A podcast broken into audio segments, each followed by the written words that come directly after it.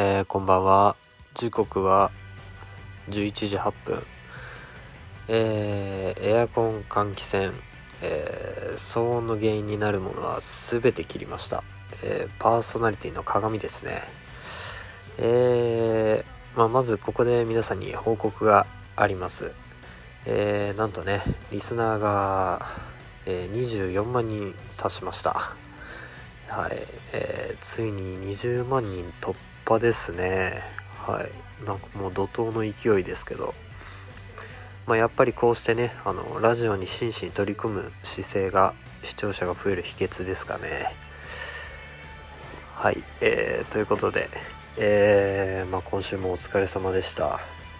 えー、まあ、今週も相変わらず激務だったわけですけどね。あの先週の日曜日だいぶリフレッシュできたおかげで頑張れたっていう感じですかね。まあ、日曜に充電してその電力で今週駆け抜けられたようなといったところですかね。えー、何言ってるんですかね。はい。いやー、にしても余韻がすごいですよ。先週スノボから帰ってきた後、まあ、我々3人のパーソナリティでね、えー、散々振り返ったんですけどまあまだ若干余韻が残ってますね。まあ実に有意義な週末でした。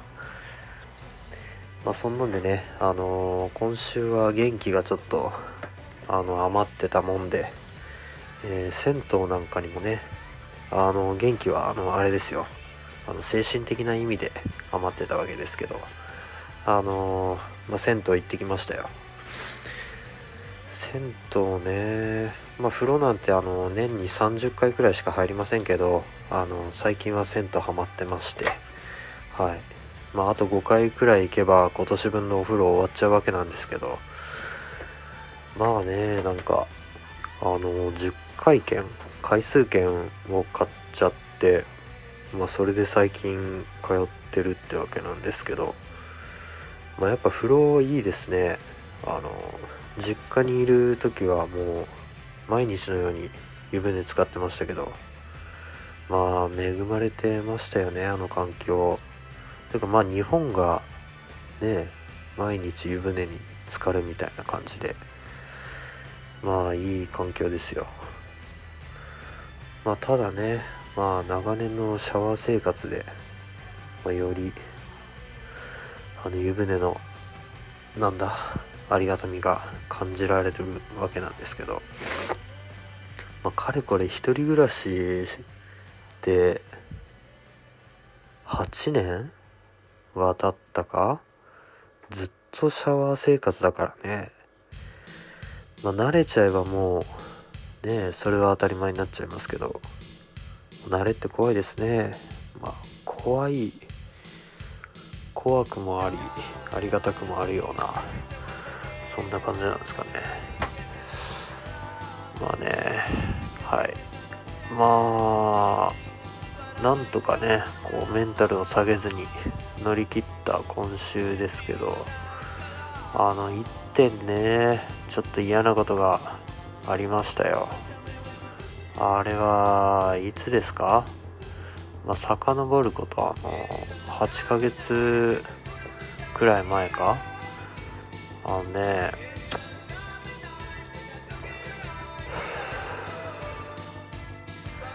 あのー、なんだっけ？えー、まあ、以前ね僕の玄関ドア自宅の玄関ドアにね油性ペンで大きくなんか×マークが書かれてて×印書かれてましたね。でまああれはびっくりしましたよ。そしたらその2日後ぐらいにあのお手紙いただきまして、まあ、内容をざっと説明するとあの玄関ドアの開閉音がうるさいって。いやいやいやいやいやいっぱい叫んだじゃんね俺。モーター音も轟かせて。木材も切り刻んで。それで玄関ドアの開閉音。いやーまあその時ねあの拍子抜けしちゃいまして。さすがにあの生活音とは思えない叫び声が響き渡ってますとは書けませんよね。まあいただいたお手紙いただいた当時はねあのドアの開け閉め気をつけてましたよ。まあもうドアにバッテンなんてねなんか書かれたくないからお前んちダメだよっていうマークでしょあれ。お前んちダメっていう。ドアに罰って何よ。うん。あれは嫌だよねちょっと、うん、まあねバッテン書かれてからちょっと気をつけて開け閉めしてたんですけどまあそっからねあのー、すぐ出張期間に入りましてまあ6ヶ月ほど出張だったかな。うん。まあ玄関ドアの開け閉めもできない状況ですよねもはや。でまあね長きにわたる出張生活を終えて家に帰ってきてねまあちょっと気が抜けてたんですよね。そういえば玄関ドアの開閉音うるさいなんていうねお互いもらってたこともすっかり忘れてね。普通にあの開け閉めしてたら。あのねなんかもうある日帰ってきてね玄関ドア見てみたらねあの扉にね茶色い液体があのべっとりかけられてて。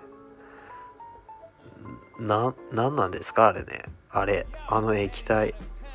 あバツバツじゃなくて なんか今度黒い茶色いなんかコーヒーみたいなぶっかけられたような 跡がありますね。まあ拭いたらまたどうせかけられると思って放置してるんですけど。あの扉の開閉音ね。あれはもうなんだ？クローザー交換しないと治んないよ。ねえ。はい。まあそんな出来事ありましたね。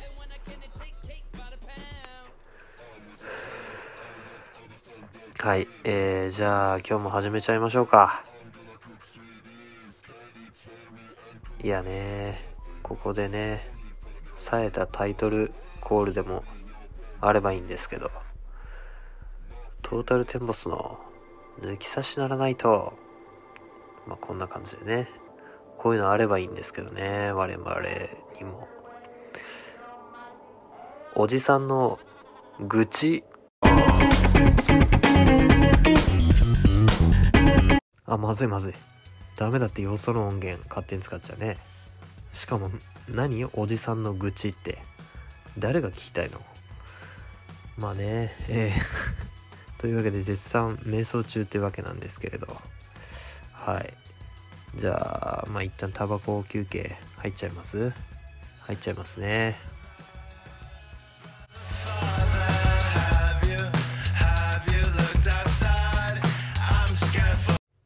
はい、えー、タバコ休憩終わっちゃいました。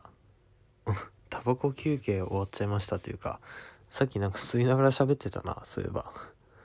で、残りわずかになったタバコをね、貧乏タバコをして、ちょっと休憩したっていう。うん、タバコ休憩、うん、タバコを並行してたな。まあ、いいか。はい。えー、何話しましょうかね。あのー、なんだ、えー、っと、まあ、僕ね、その、物欲でほぼできてるんですけど、物欲と煩悩？煩悩、うん。煩悩の中の物欲か。まあ、物欲がすごいんですよね。で、はい。まあ年中物欲が尽きないわけなんですけれど、あのー、まあ今欲しいものの一つに、スノーボードのウェア、ウェアがあるんですけれど、まあ、ちなみに今着ているあのウェアはカーキ色のやつなんですよね。まあなんかたまたま名前とかぶってるんですけど、まあね、このウェアもかれこれ4年くらいですか？まあかなり頑張ってくれましたよ。もうだいぶ撥水性も落ちて、まあ、ファスナーのなんか下の方とかね糸のほつれとかもちょっとちらほら見られてくるような感じですよ。まあね替え時ですよね。4年も着てればさすがにもういいんじゃないかっていう。まあちょっと欲しいっていうよりかはまあ必要に駆られて買うような状況かな。まあそこでその次じゃあ何買うっていうことなんですけどまあねカーキじゃなくてもいいいですか？カーキじゃなくても。いいいよね。もう。あのこないだ丸沼かな？丸沼行った時にあのちらっとネイビーのウェア着てる人がいてうわすげえ渋い。あかっけえって思ったんですけどネイビーに今のゴーグル？ちょっと黄色っぽいやつあれも合いそうだしあれつけてでなんだ今のグローブのあの茶色いやつ茶色いちょっと革っぽい色のグローブあれめっちゃ合うなとちょっと頭の中で頭の中でネイビー着てみたんですけどすげえいい感じだなと思って。でまああとはメーカーだよね。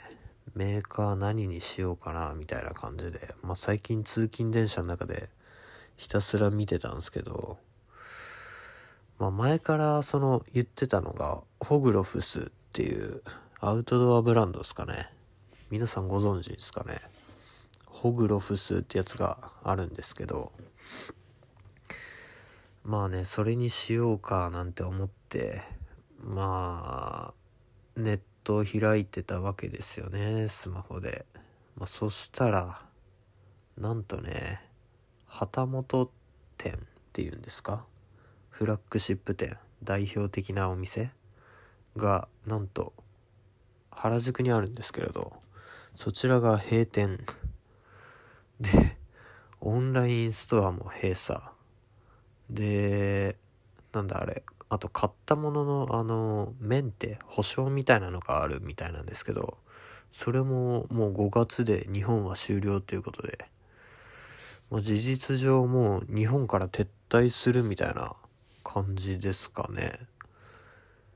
いやーなんかもう去年去年ぐらいからもう買おうかな買おうかなってずっと思ってたんだけどなんかもう完全に買えなくなってしまったという悲しい事態なんですよ実は。まあちょっともうホグロフス以外で探すしかないっていうね。いやーなんで撤退しちゃったんですかね。はい。まあねなんかコロナの影響とかもやっぱ考えられるんですかね。アパレルとかもなんかちらほらアパレルブランドも日本から撤退みたいなねありますからねはい、はい、ということでねえー、まあ2021年、えー、日本から撤退したアパレルブランドということではいえー、じゃあまずはこちらの表をご覧くださいごめんなさい、ラジオでしたね、これ。表とか見れないですよね。はい。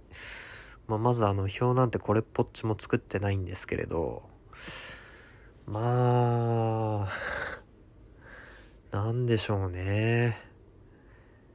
やっぱコロナ、外出が減ると、やっぱ服買う人も減るんですかね。まあちょっと、考えてもわかんないですけど、まあこれからもあのまあ、スノボのウェアをひたすら探し続けるっていう。まあ最近の通勤電車の妄想？あれを探し続けるっていう。まあある種の現実逃避ですよね。あれをしながら通勤するっていうのがまだまだ続きそうですね。はい。まあそんなんで、まあウェアウェアウェア欲しいウェア欲しいなんてずっと言ってますけども、なんかあの、最近すごいあったかくないですか？もう今日なんて、もうちょっとで20度いってましたよ、日中。なんかもう日によってはヒートテックいらないんじゃないかっていう日ありますよね。もう、春ですよね。スノボ終わっちゃいますよね。俺ね、あの、春大嫌いなんですよ。春になるとね、鳥肌が立って、えー、激しい動悸、めまい、頭痛、吐き気、悪寒、えー、まあ、オンパレードっていうのはまあ嘘ですけれど、まあ、なんて言うんですかね、あの、そわそわが止まらなくなっちゃうんだよね。そう状態っていうのかな。春特段その嫌な思い出とか別にないんだけどあなんか春春だなってこう温度とか気候とかで感じる瞬間があるじゃないですか。あの瞬間にねなんかもうすごい嫌な気持ちになるんだよね。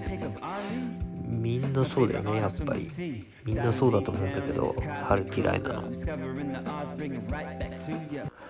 まあ僕はもう群を抜いててそれが。いやー花見なんてねもう外ればいいと思ってますけれど。はい。えー、まあもうそろそろシーズン終わっちゃいますよねっていうそういう話でしたね。またちょっとタバコを吸い始めちゃったけどまあこのまま一旦休憩入らせてもらいます。So it kind of feels like a little less.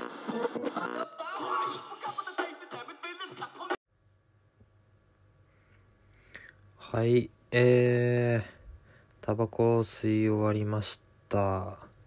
すごいペースで吸ってるけど、の、なんだろう、この収録がストレスになってるのかな、まさか。そんなわけないよね。これ楽し、楽しもうとしてやってるはずが、なんかすごいタバコ吸っちゃうけど。大丈夫かなこれ。うん、まあちょっと不安になりましたよ。はい。まあいいか。えーと、そしたら、えーと、なんだ、こないだ、まあ、結局あれも、あのー、ボツになっちゃったんですけど、この間撮った収録で、えーと、なんか愚か者どもよ聞けっていうコーナーありましたよね。はい。えー、じゃあちょっとそのコーナーねやってっちゃおうかと思います。えー、タイトルコールやっちゃいなよ。はいじゃあやっちゃいます。えー、愚か者どもよ聞け。はい。えー、っとねじゃあ続いては愚か者どもよ聞けのコーナーです。えー、まあこのコーナーではえー愛すべきリスナー、えー、通称愚か者にパーソナリティである、えー、我々おじさんが四半世紀生き抜いた中で染みついた考え方経験を一方的に伝えるコーナーですよね。はい。えー、なんだ？タイトルコールだけしちゃったけど。うーん話す内容といえば何があるかな。まああの川木マンこと私あの緑のおじさんえー、まあ激務なんですよね本当に。なんだか知らないけど。あはい。まあそんな怒涛のね平日かっこ休日1日含むを、えー、耐え抜くには、えー、欠かせないものがあるよね。はい。えー、まあちょっとサブタイトルとしてえー、覚醒のすすめ。えー、今日はねあのおじさんがどういうドーピングをして、えー、平日、えー、やりきってるかっていうのをねご紹介しちゃいましょう。まあねやっぱり年なのかわかんないですけどもう何かしら昼過ぎまあ大抵昼過ぎなんですよ。あのー、なんかエナドリやら栄養ドリンクやら飲むんですよね。いやまあ今日はねあのランキング形式で3つじゃあご紹介します、えー、何を飲んでるかっていうところをねこれみんな気になってるはずなんだよな。忙しい人はきっと必聴ですよこれ。うん。えっ、とじゃあまず第3位からえー、レッドブルーですね。えー、なんか翼を授けるみたいなねキャッチコピーありますけど。まあ翼はね生えないよあれ。生える人生えると思ってる人いるならねちょっと申し訳ないですけどあれ生えません。まあただねあのカフェインがやっぱり含まれてるから。でまあなんかあの缶っていうあの 200g ぐらいあるからエナドリじゃないあの栄養ドリンクと違ってちょっと割とごくごく飲めるうん。まあそんなんでねあのいやこりゃあかん。眠い。っていう時はあのレッドブル飲んだりしてますね。まあなんかもう飲みすぎてあの本当になんだ聞いてんのかなっていううん。そういう気持ちにもなります。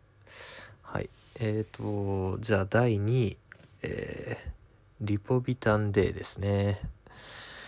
まあリポビタン D の方がまあ飲んでるな。これ何？26歳がこう毎日飲んでいいようなもんなのかな、まあ、ちょっと気になるけどな。でもあれ飲まなかっただけでなんかもうその日ちょっと不安になってくるんだよね。もうあ今日俺持つのかな？大丈夫かな？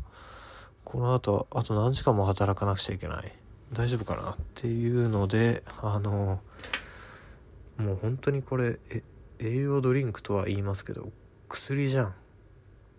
ねちょっと考え方が薬だよこれ。いやまずいなとも思いつつこれ一回完全に断ち切ってみようかなともなんか一時期そんなこと考えましたけどなんかねあのー、あれだ。えっ、ー、とプラシーボ効果か。プラシーボ効果はやっぱりあると思います。こういうのは。うん。まあそんなんでね。第2位にちょっとリボビタンデを組み込ませてもらいました。はい。えー、じゃあ次いっちゃいますか。第1位。はい、えー、第1位はこちらです。エスタロンモカ、えー、もう一回言いますね。エスタロンモカです。えー、っとこれねあのコンビニとかじゃ売ってないよ。あの薬局に売ってんだよね、まあ、カフェインの錠剤なんですけどもう錠剤だよこれ。錠剤。さっき薬とか言ってたけど薬だよもうこれ。あのやばいとこれ飲んでます。本当にああこれ今日徹夜だろうな。よしエスタロンモカだっていうそういう感じですね。まあこれは効きますよ本当に。本当にまあ効くなエスタロンモカ。なんか茶色い箱に入ってんだけどまあモカっていうだけあってなんかちょっとパッケージもそういう風な意識されてんのかな。うん。いやこれ飲めばまあギンギン目が開きますよ。カフェインがねでなんかちょっとこれ気になって調べてみたんですけどあのー、なんだ筋トレの記事が出てきてエスタロンモカを飲んでから筋トレするとなんか効果が筋トレの効果が上がるみたいななんか筋トレにも効くカフェインが筋トレに効くのかな。ちょっと仕組みは分かんないんですけど。まあなんか興味ある人。でなおかつあの今日寝なくてもいいやっていう人はあの飲んでみたらいいんじゃないですかね。エスタロンモカです。まああのもう一回言いますけどあのコンビニには売ってないです。薬局です。はい。えー、まあそんなとこですか？愚か者どもよ聞けのコーナー。まあリスナーはねあの大半が多分やつれた人だと思うからこの情報はすごいありがたいんじゃないかな。うん。はいえー、そしたら閉めちゃう？うん。なんかあんま話した気しないな。結構短いかな今日。そううん。じゃあ最後えー、番宣っていうかじゃあちょっと番宣だね。番宣します。えー、僕あのステッカー作ってるんですけれどうん。ステッカーです。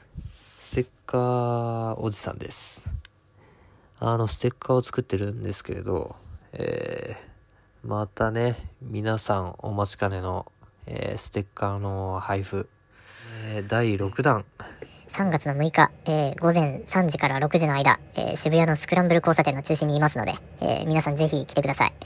あのね、渋谷のスクランブル交差点の真ん中で、あの待ってますんで。まあ、夜遊びにね、疲れて始発を待ち望む、あの判断力が低下した若者なら、これ受け取ってくれるんじゃないかと思って、今回3時から、夜中の3時から6時の間をね、狙っていきますんで。うん。まあ、多少不可解な出来事があってもね、あの、ぼーっとしてるだろうからみんな気づかないよね。ちょっと変なことあっても。うん、ということで、えー、お待ちしてますんで、はい。まあ、ステッカー欲しいなーっていう方は、ちょっと足運んでみてはいかがですか？はい。あの、3月6日に夜遊びする予定ある人特に、はい。はい。えー、まあ今日はこんなところですかね。うん。まあ、話せたかどうかわかんないですけど、まあ、今日はここら辺にしときますか。はい。えー、じゃあ、まあ、新しい